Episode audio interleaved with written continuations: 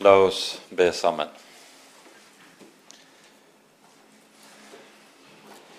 Kjære du vår Herre, du vår Gud og vår Far. Til deg kommer vi, ditt hellige navn påkaller vi. Og vi ber deg, Herre, vær du hos oss slik du har lovet.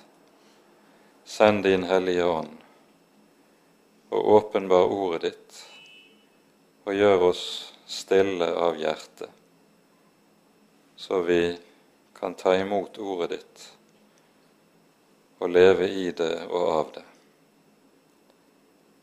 Mest av alt, Herre, ber vi at du vil la evangeliet, lyset som du har gitt oss i din elskede Sønn, at det må stadig få lyse for oss, at vi må få nå målet hjemme hos deg.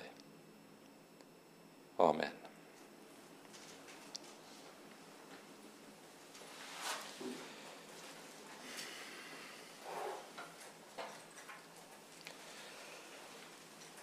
Ehm, sist gang, da vi gikk igjennom eh, avsnittet i det tredje kapittel i andre Korinterbrev, da leste vi fra vers 4 og ut kapittelet, så er jo tematikken i dette avsnittet eh, forholdet mellom den gamle pakt og den nye pakt. Den gamle pakt som lovens pakt, den nye pakt som evangeliets pakt. Og med det så underviser Paulus samtidig også om forskjellen på lov og evangelium. Dette som er en av de mest fundamentale sannheter i Det nye testamentet, i og med at i forskjellen på lov og evangelium så er det også gitt oss det vi kaller for en hermenautisk nøkkel, en tolkningsnøkkel til å forstå Den hellige skrift rett. Nå er det også slik at i dette avsnittet så er det ett ord som dukker opp meget hyppig, og det er ordet 'herlighet'. Vi brukte ikke meget tid på det begrepet forrige gang, men Ehm, det er slik at i dette avsnittet fra vers 7 til vers 11 i kapittel 3 så møter vi dette begrepet hele ti ganger i den greske grunnteksten. Det er oversatt litt ulikt et par steder, eh, men altså så hyppig. Og Poenget når Paulus anvender dette ordet, det er jo at han sier at både den gamle pakt er bærer av Guds herlighet, den nye pakt er også bærer av Guds herlighet, men da på en slik måte at den nye pakts herlighet er langt overgår den gamle pakts. Men ordet herlighet er samtidig også et hovedord i Den hellige skrift når det anvendes, så anvendes det i Det gamle testamentet som en beskrivelse av Gud, hvem Gud er i hans hellighet, i hans fylde. Det hebraiske ordet som oversettes med 'herlighet' i våre bibler, det betyr bokstavelig tyngde. Så når det taler om Guds herlighet, så er det tale om Guds tyngde, og meningen med ordet er at det er et ord som likesom sammenfatter i én sum hele fylden av Guds egenskaper, av Guds velde, av Guds rikdom. Det er det som ligger i begrepet. Og så anvendes da på hebraisk dette ordet som bokstavelig betyr tyngde. Når Det nye testamentet oversetter det hebraiske ordet, så anvendes et gresk ord, doxa, som eh, betyr ære, betyr herlighet, men også betyr lysglans eller stråleglans. Og denne sidebetydningen lysglans eller stråleglans, det er også en sidebetydning ved begrepet hellig eller hellighet i Det gamle testamentet. Så her går det en viktig forbindelseslinje mellom begrepet hellighet og herlighet. Allerede i Det gamle testamentet, når vi hører talen om Herrens herlighet, så er dette noe som peker frem imot åpenbaringen av evangeliet, åpenbaringen av frelsen i den nye pakt. Vi leser eksempelvis i profetien i Jesaja-boken 60. kapittel ord som eh, taler meget sterkt og klart om dette. Og disse ordene her i Jesaja 6 de ligger helt åpenbart bakom noe av det vi leser fra Paulusens side i dette avsnittet i 2. Korinterbrev som vi har for oss i dag. Vi leser Jesaja 60, vers 1 til 3. Stå opp, bli lys, for ditt lys kommer, og Herrens herlighet går opp over deg. Se, mørket dekker jorden, og det er belgmørke over folkene. Men over deg skal Herren oppgå, og over deg skal Hans herlighet åpenbare seg. Folkeslag skal vandre til ditt lys, og konger til den glans som er gått opp over deg. Og det som her beskrives som ditt lys, det er Messias. For nettopp lyset er et av navnene på Messias, et, en av betegnelsene på Messias i Det gamle testamentet. Vi minner her også om ordene i Jesaja 9, vers 2, ord som også siteres i Det nye testamentet, som oppfylt på vår Herre Jesus når han trer frem. Det folk som vandrer i mørket, skal se et stort lys. De som sitter i dødsskyggens land, over dem skal lyset stråle. Det er slike ord som ligger bakom en del av det vi nå leser i avsnittet som vi har for oss her i 2. Korinterbrev, og vi bruker dette som inngangsport til eh, teksten som vi leser nå. Vi leser fra vers 16 til i kapittel 3 til og med vers 6 i kapittel 4. Når de omvender seg til Herren, blir dekket tatt bort. Men Herren er Ånden, og der Herrens ånd er, der er frihet. Men vi som med utildekket ansikt ser Herrens herlighet som i et speil, vi blir alle forvandlet til det samme bildet, fra herlighet til herlighet, som av Herrens ånd. Derfor, da vi har denne tjeneste i og med at vi har fått miskunn, mister vi ikke motet vi har sagt oss løs fra alle skammelige snikveier og farer ikke frem med list. Heller ikke forfalsker vi Guds ord, men ved å legge sannheten åpent frem anbefaler vi oss for Guds åsyn til alle menneskers samvittighet. Er så vårt evangelium likevel skjult? Da er det for dem som går fortapt, det er skjult. For denne verdens Gud har forblindet de vantro sinn, så de ikke ser lyset fra evangeliet om Kristi herlighet, Han som er Guds bilde. For vi forkynner ikke oss selv, men Kristus Jesus som Herre, og selv derimot som tjenere for dere for Jesus skyld. for Gud som bød at lys skulle skinne frem i mørket. Han er den som også har latt lyset skinne i våre hjerter, for at kunnskapen om Guds herlighet i Jesu Kristi åsyn skal lyse frem. Amen. Vi ser altså at også i dette avsnittet så dukker begrepet herlighet opp en rekke ganger. Og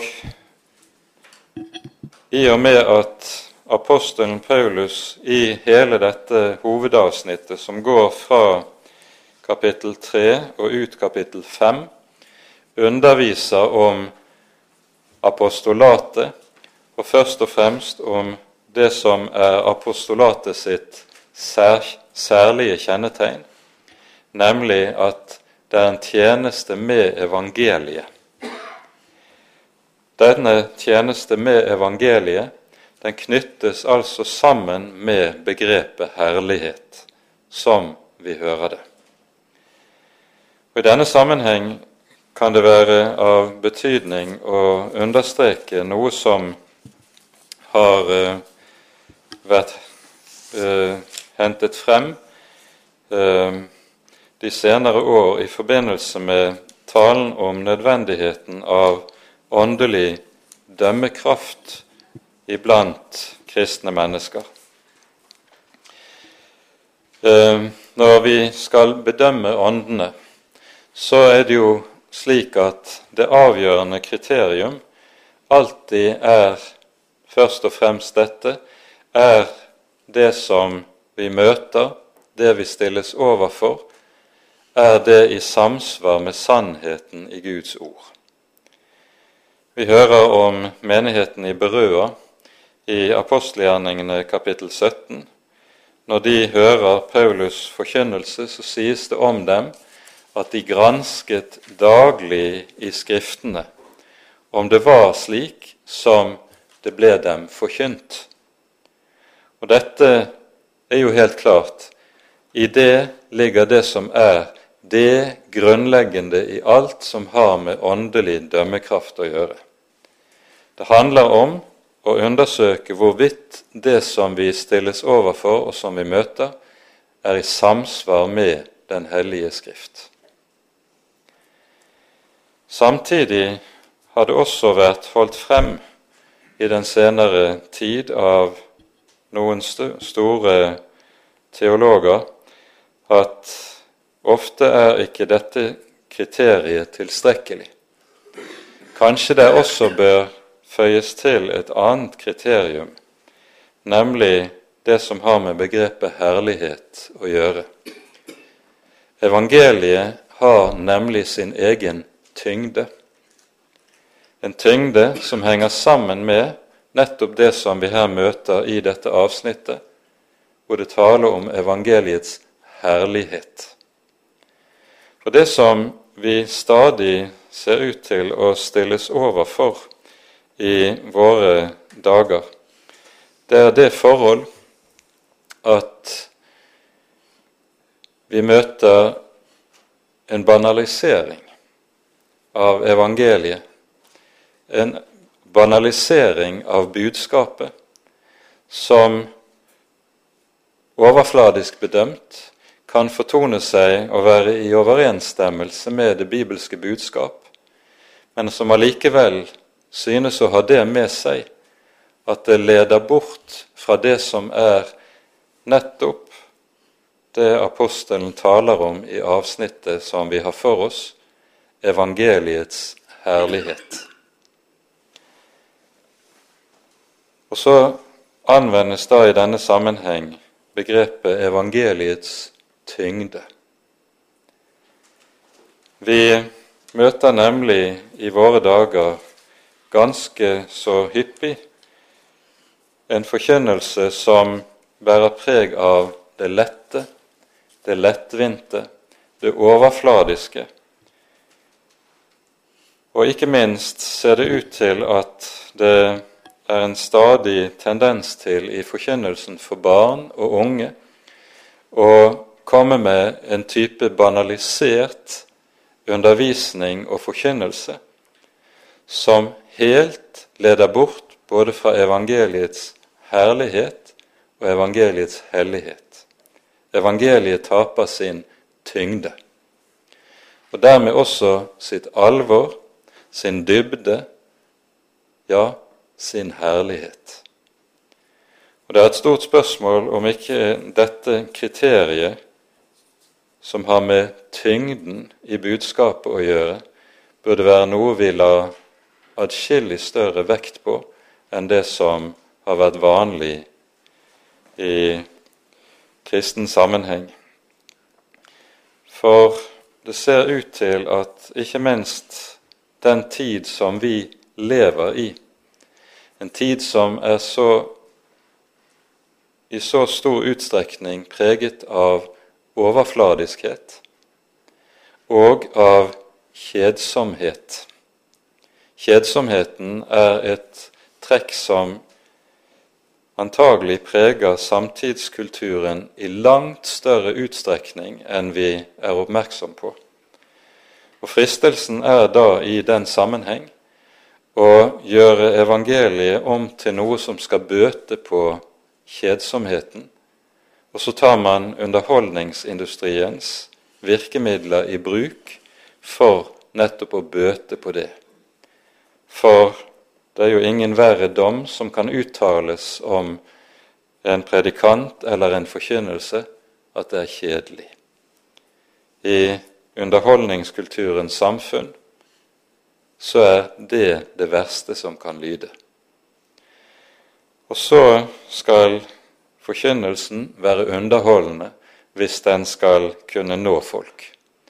Den skal med andre ord kle seg i den samme overfladiskhet som vi ser i samtidskulturen for øvrig. Og så tapes evangeliets herlighet, tapes evangeliets tyngde i dette. Jeg tror dette er viktig å være oppmerksom på, og vi møter jo også et speilbilde av dette i Det gamle testamentet i profeten Jeremias dager. Når eh, det står om de falske profeter på Jeremias tid at de bøter mitt folks skade på lettferdig vis, så brukes det et uttrykk i grunnteksten som betyr nettopp de bøter mitt folks skade på, eh, på letthet. Det uttrykket som anvendes eh, om vi skulle oversette det bokstavelig.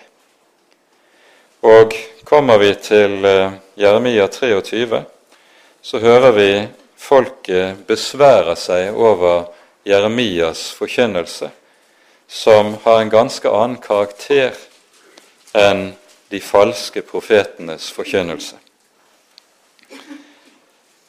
Vi har vært inne på dette avsnittet tidligere, men jeg tror vi bør minne om det i denne sammenheng. Vi leser fra vers 33 i Jeremia 23. Når dette folket eller en profet eller en prest spør deg, hva er Herrens byrde, skal du si til dem hva byrden er og jeg vil kaste dere bort, sier Herren. Poenget her, forklaringen står under verset i norsk bibel og i eldre bibler, det er at uttrykket 'Herrens byrde' er et ordspill på hebraisk. Massa, Adonai. Det er slik at ordet 'massa' det har dobbelt betydning. Det betyr både en byrde og et utsagn. Og når folket kommer til Jeremia, så kaller de hans tale De bruker ordet 'massa' for å betegne hans tale. Altså profetens budskap er en byrde. Det er noe som er for tungt for dem. Og så står budskapet i motsetning til de falske profeters budskap, som er lett. Det er så lett å høre på det besværer oss ikke verken med alvor eller hellighet eller andre ting. Og følgelig så er det mye kjekkere å høre på de falske profeter. De blir populære. Jeremia gjør ikke det. Og så er det nettopp da slik at der denne lettheten gjør sitt inntog, der forsvinner evangeliet med dets herlighet. Det er tanken. Med dets tyngde. Det er altså noe av dette som jeg tror også vi skal ha med oss i denne sammenheng når Paulus underviser om evangelieforkynnelsens herlighet. Vi må også gjøre oppmerksom på en annen sak som vi ikke rakk å kommentere sist gang. Og det er forbindelseslinjen til, til Romerbrevets tiende kapittel, vers fire. Det står i, her i 2. Korinterbrev 3,14 følgende Deres sinn er blitt forherdet, for helt til denne dag blir det samme dekket liggende når de leser den gamle pakt, og det blir ikke tatt bort, for det er bare i Kristus det blir fjernet. Her er oversettelsen unøyaktig. For det første er det slik her i vers 14 at eh, den latinske oversettelsen av eh, eh, dette vers 14 Der oversettes den gamle pakt med Det gamle testamentet. Og slutningen blir, blir uh, meget nærliggende ut fra sånn som verset er formulert, nemlig at Det gamle testamentet er opphevet i Kristus. Men det er ikke det som ligger i teksten. Den gamle pakt er opphevet i Kristus, men Det gamle testamentet er ikke opphevet som hellig skrift. Jesus sier jo selv uttrykkelig i Johannesevangeliets tiende kapittel at Skriften, altså Det gamle testamentet, kan ikke gjøres ugyldig. Det gamle testamentet er Guds ord, og det er et Guds ord som skal bli stående så lenge himmel og jord blir stående, helt inntil de forgår. Men det som altså det er tale om, er at den gamle pakt har funnet sin ende i Kristus. I Romane 10, vers 4, leser vi følgende.: Kristus er lovens endemål, står det i norsk bibel nå. I den gamle oversettelsen sto det 'Kristus er lovens ende'. En oversettelse som i høy grad er misforståelig. Det greske ordet som står her i grunnteksten, 'telos', det betyr mål, det målet som en sikter imot. Kristus er lovens mål. Altså Guds hellige lov åpenbaringen av loven har dette som målsetting at menneskene skal komme til Kristus, til evangeliet. Og Det er jo i tråd med dette at Paulus også i Galaterbrevet sier at loven er en tuktemester til Kristus. Det er den som driver, som skal drive et menneske til Kristus. Så målsettingen med åpenbaringen av loven det er nettopp dette at mennesket skal få behov for Kristus. De skal komme i den stilling at evangeliet er noe de trenger. Det er lovens hensikt. Og så er det da et poeng at Kristus, sånn som vi hører det i 2. Korinterbrev 3, blir den som er lovens mål. Loven har en foreløpig tjeneste, nemlig den sikter mot Han som er målet. Så meget være nevnt om det som vi finner i kapittel 3, før vi nå går inn i kapittel 4. Og Kapittel 4 begynner da med følgende ord. Derfor, da vi har denne tjeneste i og med at vi har fått miskunn, mister vi ikke motet. Paulus har en tjeneste med evangeliet, en tjeneste som apostel, som består i en konstant motbakke. Paulus opplevde aldri i sin tjeneste å seile i medvind. Han opplevde alltid motstand mot evangeliet. Han opplevde alltid at evangeliet ble møtt med til dels det skarpeste anstøt. Og senere ut i 2. Korinterbrev beskriver også Paulus meget tydelig for oss alt det han har måttet gjennomgå for evangeliets skyld. Så menneskelig talt så skulle man tro at nettopp en slik tjeneste skulle føre til motløshet. Skal jeg aldri oppleve medgang? Skal jeg aldri oppleve at denne motbakken tar slutt? Sånn er det fristende Sånn er det naturlig for oss å tenke rent menneskelig. Men Paulus er klar over at evangeliet, evangeliets egen karakter, evangeliets egen herlighet, det gjør at han kan bære all motgang, alt fiendskap, all lidelse for evangeliets skyld uten å miste motet. Det er det som ligger i dette verset.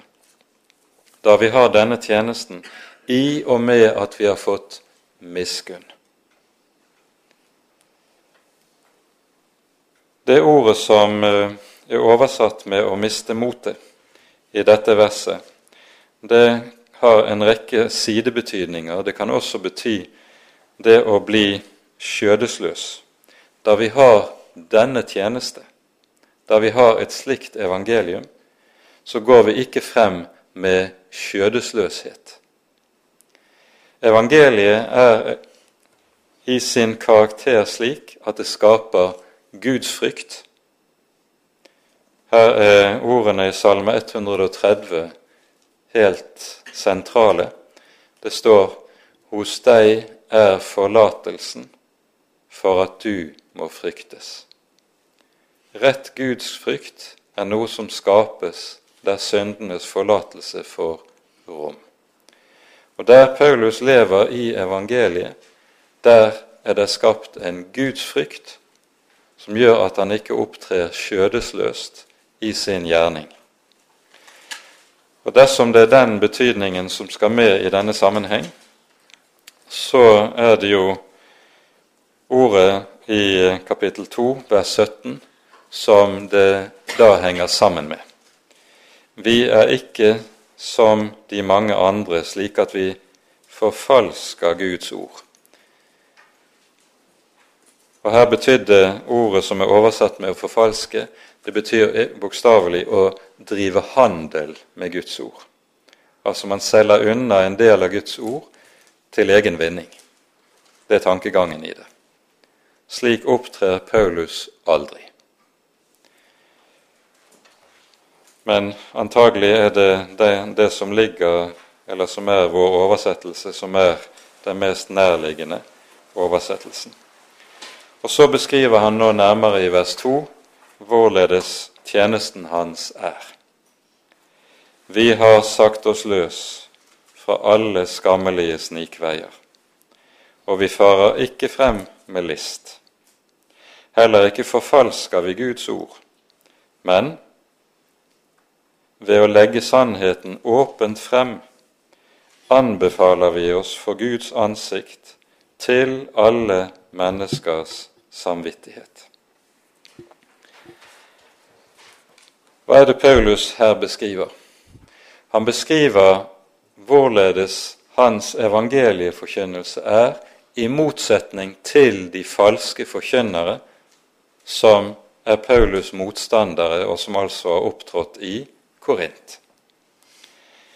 Når det taler om at han har frasagt seg alle skammelige snikveier, så betegner det, betyr det Paulus prøver ikke å manipulere mennesker med sin forkynnelse når han opptrer.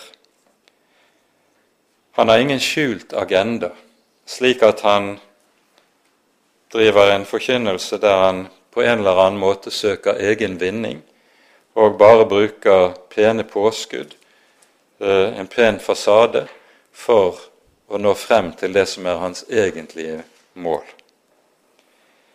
Han er ikke beregnende i sin fremferd. Nei, han er ende frem, tydelig. Han er enfoldig i ordets rette bibelske forstand. For slik ordet 'enfoldig' anvendes i Det nye testamentet, så betegner det ikke et menneske som er mindre begavet, men det betegner et menneske der det er en enhet mellom det som sies, og det som bor i menneskets hjerte. Altså det er ikke forskjell på hva en sier, og hva som ligger i hjertet. Da er et menneske enfoldig. Det er det som er betydningen av ordet i Det nye testamentet. Og så er Paulus på denne måten nettopp enfoldig. Han forfalsker ikke Guds ord. Det betyr han gjør ikke slik som det advares mot i Fjerde Mosebok i kapittel i, unnskyld, 5. Mosebok kapittel 4. Du skal ikke legge noe til, og du skal ikke trekke noe fra det ord jeg har talt til deg, sier Herren. Ikke legge til, ikke trekke fra. Når Paulus gjør opp status over sitt virke i Efesus, slik som vi hører det i apostelgjerningene 20, så sier han om sin egen forkynnelse følgende Jeg har forkynt dere hele Guds råd. Alt som er nødvendig, alt som er gitt i Guds ord, det har han holdt frem for menigheten. Han har forkynt dem hele Guds råd. Intet er lagt til, intet er trukket fra. Ordet, evangeliet, har fått lov til å stå uantastet, uforandret av menneskehånd og menneskemening. Og det er det det dreier seg om i denne sak. Og Derfor anvender Paulus følgende uttrykk ved å legge sannheten åpent frem. Her anvender grunnteksten et ord som i en rekke sammenhenger brukes om Jesu gjenkomst. Tar, og Da betyr ordet å komme frem i lyset, komme synlig frem, komme åpent frem. Og det er slik evangeliet legges frem. Det legges frem åpent for alle mennesker, slik som det er, med hele det anstøt som det bærer i seg. Vi har vært inne på det tidligere. Fristelsen for enhver forkynner, og som Paulus nok også har måttet bekjempe, det er det å tilpasse evangelieforkynnelsen etter hva folk liker å høre, tilpasse evangelieforkynnelsen til det som ligger i tiden, sånn at det skal bli tidsriktig, og dermed slippe å bli møtt med anstøtet og fiendskapen som hører sammen med anstøtet. I 1. Korinterbrev kapittel 1 taler Paulus nettopp om hvorledes han holder fast ved ordet om korset som nok er et anstøt for jøder, som er en dårskap for grekerne, men som likevel er det eneste som bærer i seg Guds egen kraft til frelse. For dersom evangeliet tilpasses til hva mennesker måtte synes om, da vil kanskje mennesker lettere kunne akseptere det budskap som de hører, men da har samtidig evangeliet tapt sin guddommelige kraft. Paulus sier i første kor 1,17 at Gud har satt han til å, ikke til å døpe, men til å forkynne evangeliet. Og så sies det ikke med vise ord, for at evangeliet ikke skal tape sin kraft. Det er et uhyre betydningsfullt utsagn. Paulus anvender seg ikke av sin samtids populærfilosofi for å kle evangeliet i en slik drakt, slik at det dermed skal bli lettere å godta det. Han lar det stå der med sin skarphet, og dermed med hele sitt anstøt. Så beskylder en del av de veldig kloke hoder i Korint Paulus for å være grov og uhøvlet i sin forkynnelse. Det får våge seg. Evangeliet skal legges åpent frem slik som det er gitt av Gud. Og slik anbefaler vi oss til alle menneskers samvittighet. Og her, Når Paulus taler om å anbefale seg til menneskers samvittighet, så står han da i motsetning til de falske forkynnere, som enten kommer med anbefalingsbrev som skal gi dem legitimitet, eller driver med ulike slags selvros og selvanbefaling for å sikre seg at mennesker skal følge dem efter. Paulus gjør ingen av delene. Han legger frem sannheten med sitt anstøt, og våger dermed også å ta inn over seg den upopularitet som det vil bære med seg. Men nettopp i det at han ikke klør folk bak øret, ikke stryker folk opp etter ryggen, men forkynner evangeliet i dets anstøt, så ligger hans anbefaling. Han prøver ikke å bli populær. Det er ikke det han løper rundt for. Det er ikke det han er kalt til. Og så anbefaler vi oss til alle menneskers samvittighet, sier Paulus. Og Når Paulus her anvender uttrykket samvittighet, så er det fordi samvittigheten er overbevisningens sete. Det står om Den hellige ånd når han kommer, at når han kommer, skal han overbevise verden. Han skal overbevise verden om synd og om rettferdighet og om dom.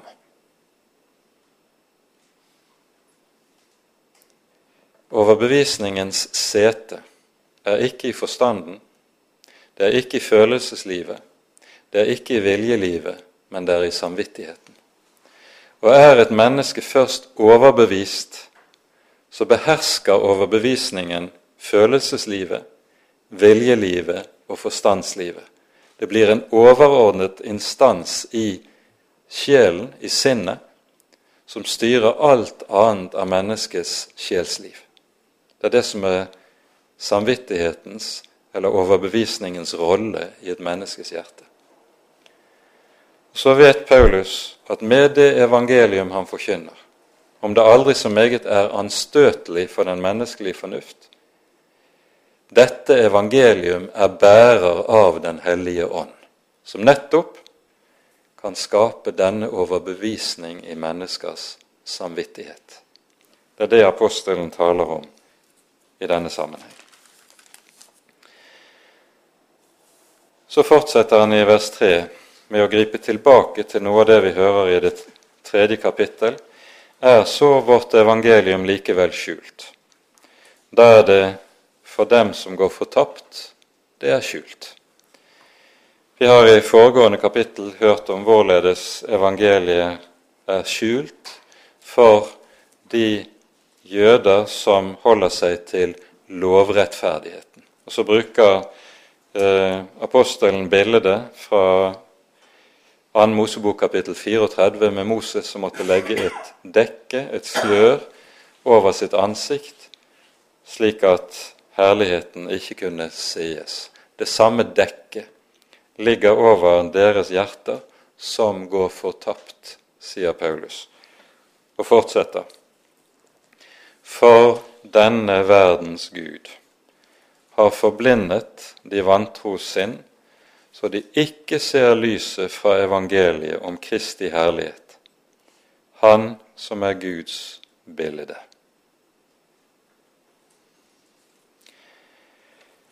Her møter vi i dette verset en hel rekke helt sentrale begreper i Det nye testamentet. For det første så hører vi at djevelen omtales som denne verdens gud. Dette svarer til det verdensbildet eller den virkelighetsforståelse som Det nye testamentet har det som vi hører det i 1. Eh, Johannes brev, kapittel 5. Der sies det hele verden ligger i det onde. Jesus kaller gjentatte ganger i Johannesevangeliet for djevelen for denne verdens fyrste. Fordi det er han som styrer verden, denne verdens mennesker. Og i Efeserbrevet hører vi det sies i kapittel 2 følgende uh, I kapittel 2 vers 2 følgende Også dere har han gjort levende, dere som var døde, ved deres overtredelser og synder. I disse vandret dere før på denne verdens vis, etter høvdingen over luftens makter, den ånd som nå er virksom i vantroens barn. Her beskrives nettopp djevelen som den ånd som styrer, som råder, over alt der troen på Jesus ikke er til stede, i de mennesker som ikke eier troen på den Herre Jesus. I Efesane 6 så leser vi om den åndskamp som hører sammen med dette. Ta på dere Guds fulle rustning, så dere kan holde stand mot djevelens listige angrep. For vi har ikke kamp mot kjøtt og blod, men mot makter, mot myndigheter, mot verdens herskere i dette mørket, mot åndskapens ånde her i himmelrommet. Det er ikke små betegnelser som anvendes om den onde og hans hær eller hans hærskare som råder her i verden. Og hva er det som er den åndes fremste hensikt, hans viktigste gjerning? Det er å forføre menneskene. Djevelen er forføreren. Slik opptrådte han allerede på syndefallets dag gjennom at han ledet våre første forfedre bort fra Guds ord. Det første han sier, er 'Har Gud virkelig sagt?' Så søker han å skape tvil på Guds ord, og har han først fått ført menneskene bort fra Guds ord, så kan han siden føre dem akkurat dit han vil. Det er det som ligger i disse veldig sterke utsagnene vi finner i Det nye testamentet, når det sies at han er den som er herskeren over vantroens barn. Har han først fått et menneske bort fra Guds ord, kan han siden lede dem akkurat dit han vil. Djevelen er forføreren, og som forføreren møter vi ham om igjen og om igjen i Det nye testamentet, den som søker å fordreie Guds ord, den som søker å forføre mennesker bort fra evangeliet i alle hånde andre slags evangelier og oppfatninger. En viktig ord i denne sammenheng finner vi i det ellevte kapittel i andre Korinterbrev.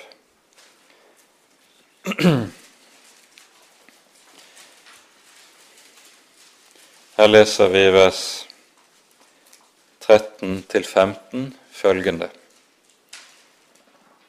Paulus tar på ny opp igjen dette som har med de falske apostler som reiser omkring. Vi leser Disse er falske apostler, svikefulle arbeidere som skaper seg om til Kristi apostler. Og det er ikke noe å undre seg over, for Satan selv skaper seg jo om til en lysets engel. Da er det ikke noe stort om også hans tjenere omskaper seg til rettferdighetens tjenere. Men for dem skal enden svare til deres gjerning. Og det ordet som vi her møter, lysets engel, det er jo det som er bakgrunnen for at et av djevelens navn i kristen tradisjon er Lucifer, lysbæreren. Han er den som gir seg ut for å bringe mennesker lys, men fører dem inn i det dypeste mørket. Han er falskmyntneren. Jesus kaller ham for en løgner og for en løgnens far i Johannes 8, 44. For løgnen er hans viktigste kjennetegn. Løgnen er hans viktigste våpen. Og Derfor har djevelen det med seg at han alltid opptrer med halvsannheter, løgn, hykleri. Han går med maske. Når Paulus så forkynner evangeliet, så opptrer han altså rakt motsatt. Han legger sannheten åpent frem. Og så blir det da slik at hver den som er av sannheten, hører hans røst.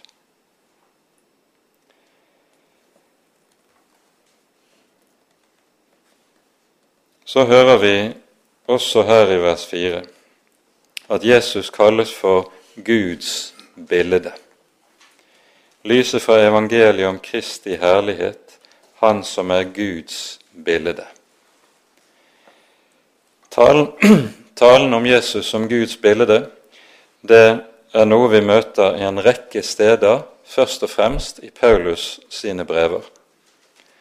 Og Når Paulus taler om Jesus som Guds bilde, så gir det seg selv at dette uttrykket griper tilbake til skapelsesberetningen, der det står hvordan, om hvorledes Gud i sitt råd om å skape mennesket sier 'la oss skape mennesker i vårt bilde etter vår lignelse'.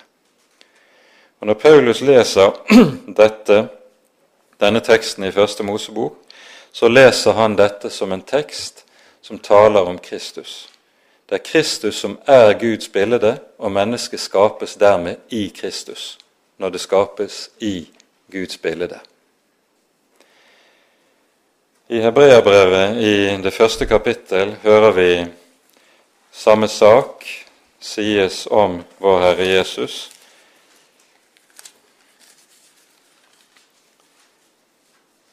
Etter at Gud i fordums tid mange ganger og på mange måter hadde talt til fedrene gjennom profetene, har han nå i disse siste dager talt til oss gjennom Sønnen. Ham har han innsatt som arving til alle ting. Ved ham har han også skapt verden. Han, han er avglansen av hans herlighet og avbildet av hans vesen. Likeledes hører vi også i Romerbrevet i det åttende kapittel, i vers 29, så tales det om Jesus som Guds bilde. Dem, dem han forutkjente, dem har han også forutbestemt til å bli likedannet med hans sønns bilde, for at han skulle være den førstefødte blant mange brødre. Og Poenget med denne teksten det er jo det at i og med fallet så skades, så ødelegges menneskets gudbilledlighet. Og det å få del i frelsen, det er å fornyes til Guds bilde. Og altså komme tilbake til det som mennesket opprinnelig var skapt til å være, nemlig i ham som er Guds bilde.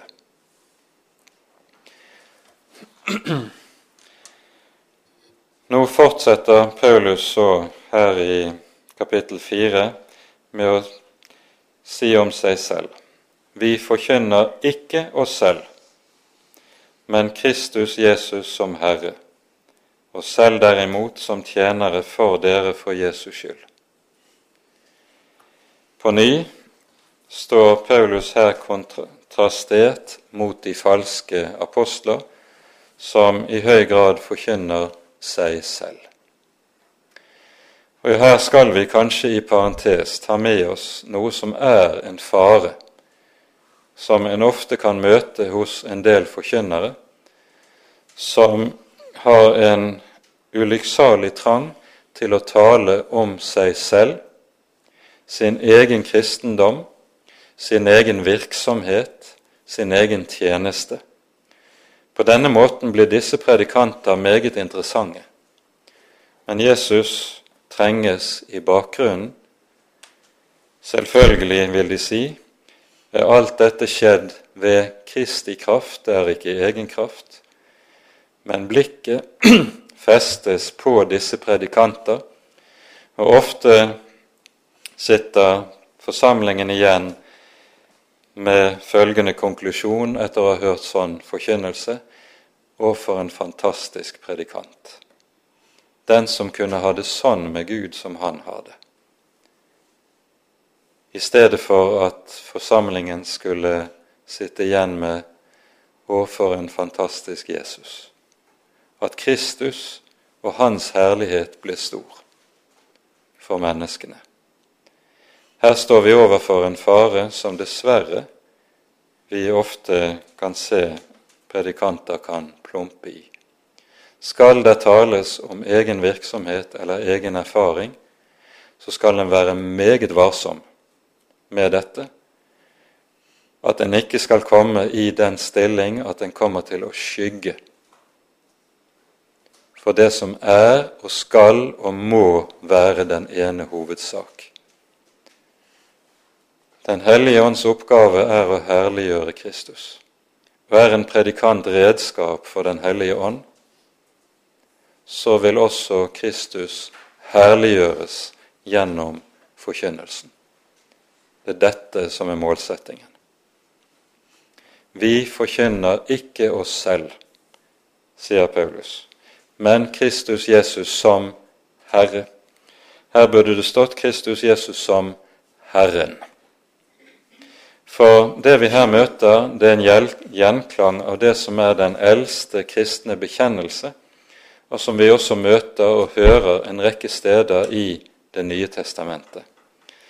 Dersom du med din munn bekjenner at Jesus er Herren, og i ditt hjerte tror at Gud oppvakter ham fra de døde, da skal du bli frelst. Og i Filippabrevet 2, i denne store hymnen, Kristushymnen, så hører vi at hele Guds mål med menneskeheten er at hvert kne skal bøye seg. Dere som er under jorden, på jorden og over, og hver tunge bekjenner at Kristus Jesus er Herren. Det som ligger i denne bekjennelsen, er jo at ordet Herren, det er Det gamle testamentets Guds navn. Slik at når de første kristne bekjenner Jesus, så bekjenner de inkarnasjonen og sier Kristus Jesus er Det gamle testamentets Gud. Han er Herren. Den som kalles Herren gjennom hele Den hellige Skrift. Det er Han de har møtt i Kristi person. Han som kom som en fattig tømrer, som ble henrettet på et kors, han var herlighetens herre. Det er hemmeligheten, det er bekjennelsen. Og så er altså bekjennelsen bærer av en veldig bibelsk fylde og tyngde, samtidig som den også er bærer av dette veldige paradoks, nemlig at den, Han som er herlighetens Gud, åpenbares i det som ser uendelig lite, fattigslig, smått og ubetydelig ut. Jesus Kristus er Herren, Han ved hvem himmel og jord ble skapt, Han som bærer alle ting ved sin makts ord. Han er Herren. Og selv derimot, som tjenere for dere for Jesus skyld. Og det er det enhver forkynner av evangeliet er. Han er en tjener for menighetene. En tjener som har fått den oppgaven som Jesus beskriver i Lukasevangeliets tolvte kapittel. Og Vi tar oss tid til å lese et par vers her fra Lukas 12. Det er en sammenheng der Jesus taler om sin komme og det å være rede til hans komme. Og så spør Peter ham i Lukas 12, 41, Herre, er det til oss du taler denne lignelsen, eller også til alle de andre? Og Jesus svarer, Hvem er da den tro og kloke forvalter som Herren setter til over husfolkene for å gi dem deres mat i rette tid? Salig er den tjener som Herren finner i ferd med å gjøre dette når han kommer. Sannelig sier jeg dere, han skal sette ham over alt han eier. Men dersom denne tjeneren sier i sitt hjerte, Min Herre dryger med å komme, og gir seg til å slå tjenerne og pikene og ete og drikke og fylle seg, da skal denne herres tjeners herre komme en dag han ikke venter det, og en time han ikke vet. Og han skal hogge ham ned og gi ham del med de vantro. Dette er tjenesten som Herrens apostler og ordets forkynnere er satt til å ha. De er satt til å være tjenere som skal gi Guds husfolk deres mat i rette tid. Det er det det dreier seg om. Og det er denne tjenesten Paulus altså omtaler på denne måten i vårt vers her. Og så slutter apostelen med det vi hører i vers 6. Her ligger bakom som klangbunn ordene vi leste fra Jesaja 60 og fra Jesaja 9 innledningsvis, men først og fremst er bakgrunnen ifra skapelsesberetningen. For Gud som bød at lys skulle skinne frem i mørket, han har også latt lyset skinne i våre hjerter, for at kunnskapen om Guds herlighet i Jesu Kristi åsyn skal lyse frem. Når Gud i begynnelsen skaper lyset, så skjer det på følgende vis, som vi leser det i Første Mosebok. Gud sa, 'Det blir lys', og det ble lys. Og Paulus' tanke med dette verset er at evangeliet er et slikt skaperord. Et ord gjennom hvilket Gud sier 'bli lys'. Et ord gjennom, gjennom hvilket Gud skaper lys i de mørke hjerter. Hjerter der mørket råder. Der, når evangeliet kommer, skapes det lys. Og akkurat som med skapelsen, der det er slik at når Gud skaper, så har han ingenting å gå ut fra på forhånd. Det er ikke noe materiale Gud på forhånd har for å skape av. Han skaper alt av intet. Slik er det også med evangeliet. Det er et skaperord som lyder inn i hjertets mørke, og av intet og for intet bringer lyset. Gud som bød at lys skulle skinne frem i mørket, har også latt lyset skinne i våre hjerter. For at kunnskapen om Guds herlighet i Jesu Kristi åsyn skal lyse frem. Og så har Gud skapt seg et folk. Et folk som lever i lyset, et folk som derfor er denne verdens lys. For det er dette Jesus taler om i Matteus 5 i bergprekenen. Dere er verdens lys. Hvorfor er de verdens lys? Fordi Jesus er deres lys. Vi kan være som menighet lys i verden bare i samme utstrekning Jesus er vårt lys. Aldri på annen måte. Og Derfor er det ordene hos profeten Jesaja i det 60. kapittel står der Stå opp, bli lys, for ditt lys kommer til deg. Som er Kristus, han som er Guds herlighetslys. Ære være Faderen og Sønnen og Den hellige ånd, som var og er og være skal, en sann Gud, høylovet i evighet. Amen.